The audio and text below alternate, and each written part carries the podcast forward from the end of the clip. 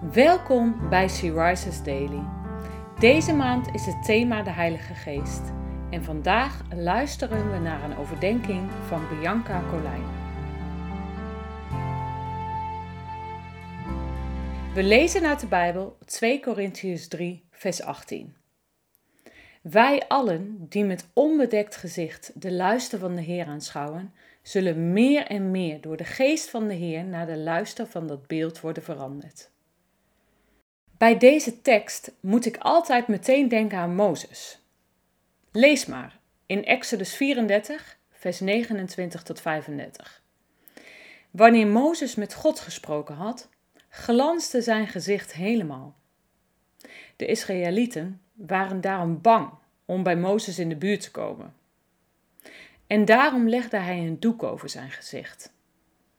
En wanneer hij weer met God sprak, dan deed hij de doek weer weg. De Israëlieten vreesden God. God is heilig. Maar zij leefden nog onder het oude verbond. En wij, wij leven nu onder een nieuw verbond. Jezus stierf voor onze zonden.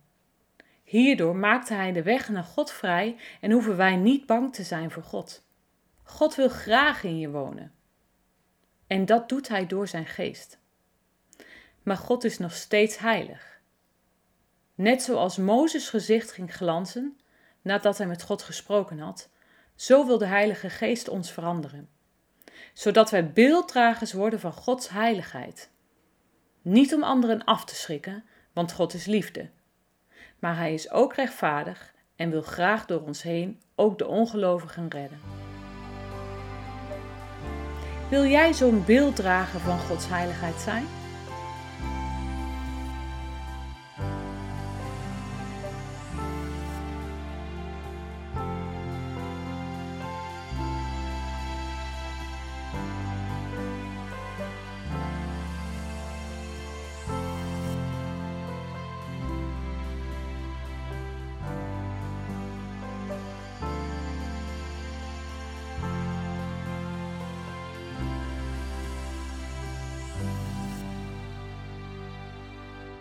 Laten we samen bidden. Lieve Heilige Geest, ik geef mijzelf aan U. Wilt u van mij een beelddrager maken van Gods heiligheid? Amen. Je luisterde naar een podcast van Sea Rises. Sea Rises is een platform dat vrouwen wil bemoedigen en inspireren in hun relatie met God. Wij zijn ervan overtuigd dat het Gods verlangen is dat alle vrouwen over de hele wereld Hem leren kennen. Kijk op www.she-rises.nl voor meer informatie.